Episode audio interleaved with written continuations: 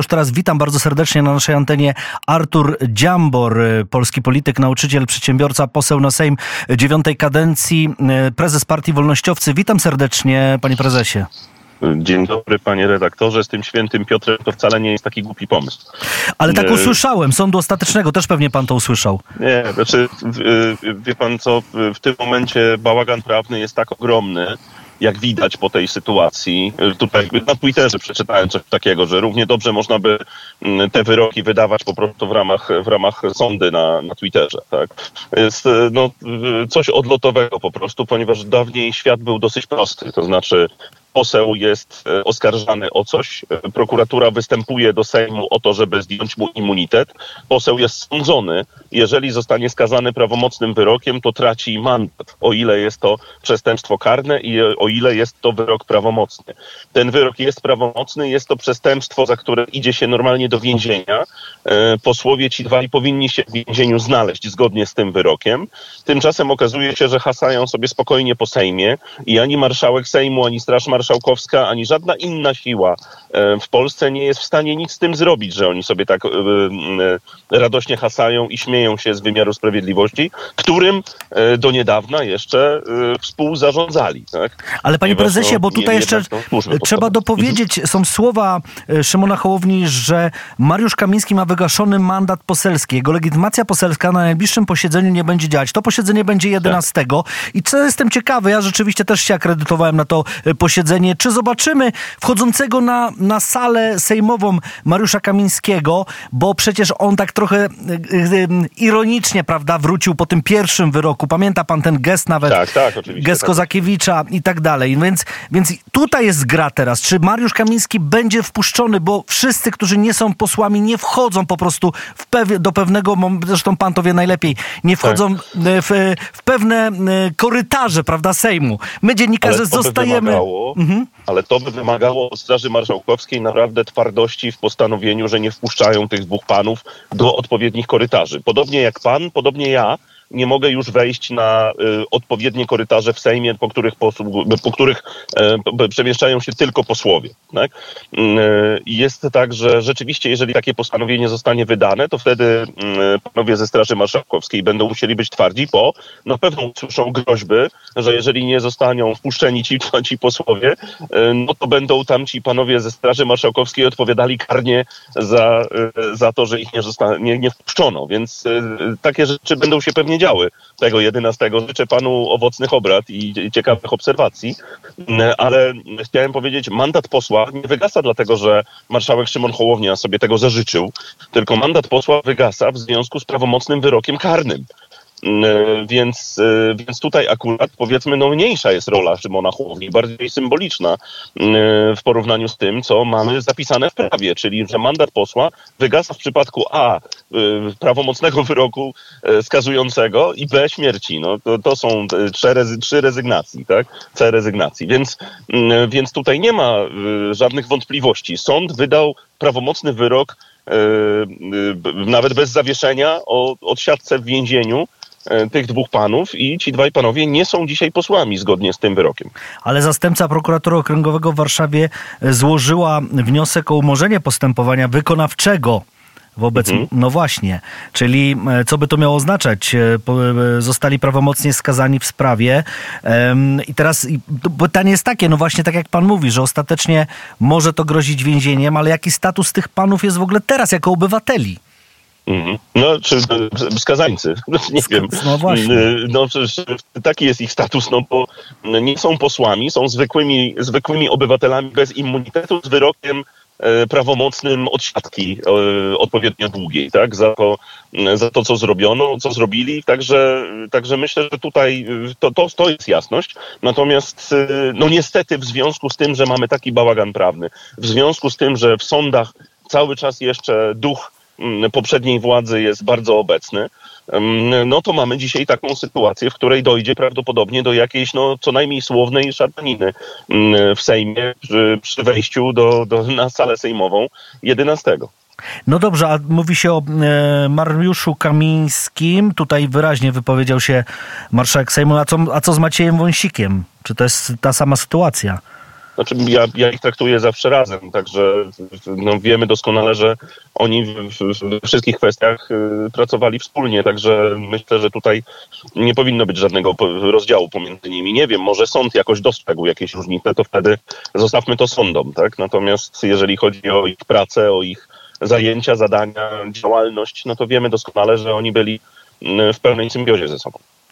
Chciałem do, spytać pana o sytuację, jaka cały czas dzieje się wokół mediów publicznych. Już jest nowa obsada TVP Info, ale wiemy, że na przykład pracownicy, którzy po kilkanaście, no jak nie więcej lat pracowali jako pracownicy e, TVP na ulicy Woronicz na przykład nie mają wejścia, wstępu, ich e, przepustki e, wygasły, maile, maile są wyłączone, ich tak zwane mm, bipki, jak to się tak mówi potocznie, czyli, czyli właśnie te karty, na które się wchodzi do poszczególnych redakcji, w ogóle do całego budynku nie działają, ale oni nie mhm. dostali telefonów, wiem to z pierwszej, z pierwszej ręki, z pewnego źródła, że oni nie dostają na przykład telefonów o tym, co dalej, jak, jak, wygląda ich status. Jakie, mhm. jakie pan ma, jaką pan ma wiedzę? Co, co, co wiemy na ten temat? Jak, jak to wszystko funkcjonuje tam na Woronicza?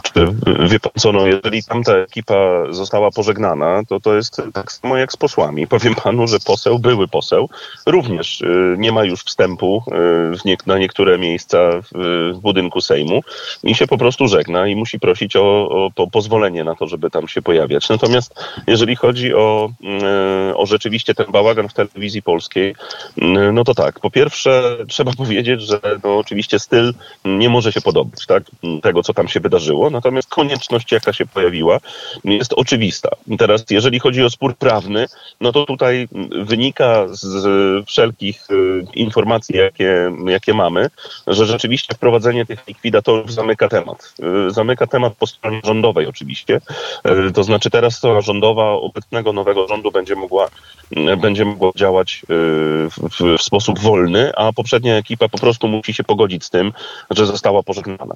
E, to jest jeszcze, tam jest jeszcze wiele innych rzeczy do rozwiązania, ponieważ cały czas jeszcze mamy Radę Mediów Narodowych, której status jest y, no, o tyle trudny, że y, zgodnie z ustawami ma ona swoje kadencje, jest nienaruszalna. Jedyne, co, wy, co jakoś wyobrażam sobie, że można by zrobić, to dokoptować nowych członków do tej Rady Mediów Narodowych, ale to wymagałoby podpisu prezydenta Andrzeja Dudy, więc mamy pad, bo wiemy, że takiego podpisu nie będzie. Dodatkowo do tego jeszcze trzeba powiedzieć, że mamy Krajową Radę Radiofonii i Telewizji, która konstytucyjnie jest umocowana w tych kwestiach, o których mówimy, a wiemy też, że Krajowa Rada Radiofonii i Telewizji znowuż ma swoje kadencje i tam również są ludzie Prawa i Sprawiedliwości okopani, oni są nienaruszalni. Więc y, wydaje się, że ta kwestia likwidacji, likwidatora była jedyną szansą. Pytanie tylko, czy ona zostanie wykorzystana. To znaczy, y, po pierwsze, no dobrze by było, gdyby to nie było tak, że dziennikarze jednej frakcji zastąpią dziennikarzy drugiej frakcji. Y, I tu mam naprawdę wielkie nadzieje wobec tego. To znaczy, na razie obserwując na przykład to, co się dzieje mm, w programie 19.30, to jestem jakoś tam lekko podbudowany, mm, ponieważ jest zdecydowanie jakościowo lepiej. Yy, natomiast yy, to, to, jest, to jest pierwsza rzecz że dobrze by było, żeby nie, nie zostało tak po prostu zastąpione. A druga rzecz to jest kwestia restrukturyzacji, która jest do dokonania. Ja generalnie jestem, żebyśmy w ogóle stanęli obok. Ja jestem za tym, żeby y, telewizja publiczna w ogóle nie istniała, żeby była prywatna. Ja uważam, że powinno dojść do jednej wielkiej prywatyzacji tych kanałów telewizyjnych, które są. Czyli taki model, model amerykański. Tak, tak ja uważam, że to by, to by odebrało zabawki, ponieważ dzisiaj mamy po prostu ekipa Prawa i Sprawiedliwości siedziała w TVP i to jest oczywiste, że ci, którzy byli tam zatrudniani na stanowiskach dziennikarzy, to nie byli żadni dziennikarze, tylko propagandyści partii rządzącej. Mm, I teraz jest tak, że wywala się tych, a wstawia się mm, dziennikarzy, którzy mm, będą wykonywali pracę inaczej. Pytanie, czy to inaczej, to będzie lepiej. Tak? No, zobaczymy to, będziemy to oceniali. Na razie mówię, jeszcze obserwujemy pierwsze dni, więc te pierwsze dni są powiedzmy trudne do, do takiego jednoznacznego ocenienia. Ale, ale bardzo ważne jest, żeby to się, żeby to się nie skończyło źle w drugą stronę. Tu, panie prezesie, myślę, że też byli jednak tacy, którzy nie byli funkcjonariuszami, tylko po prostu dobrymi dziennikarzami, ale w danych strukturach, prawda? I gdzieś tam musieli poniekąd, nie chcę mówić nazwiskami personalnie, ale były też, to nie tylko chodziło o programy stricte polityczne, ale były też społeczne, rozmowy. Mam, mam w głowie na przykład takiego dziennikarza jak Krzysztof Ziemiec, który moim zdaniem no był to, dobrym dziennikarzem. To, oczywiście, no to tak, tak jak Sierocki, tak? No to jest oczywiste, o, przykład, że tak, nie, tak. nie, mówimy o, nie mówimy o wszystkich, tylko mówimy o tych czołowych, popowych twarzach kreujących propagandę, kreujących przekaz bardzo jednostronny. No wiemy doskonale, o których mowa, tak? I kto w tym procederze uczestniczył. Mm, więc, więc to, to o tym mówimy, że telewizja, telewizja publiczna w przypadku TVP Info, zresztą przy okazji tej dyskusji o prywatyzacji, no to ja zawsze zaznaczałem to, że ja rozumiem misyjność telewizji publicznej, tak? To znaczy jest to zapisane w ustawach i ja ją rozumiem. Misyjność telewizji publicznej to jest TVP ABC, to jest TVP Historia, mm, to są programy popularno-naukowe telewizji polskiej, tak, które są na jedynce, dwójce.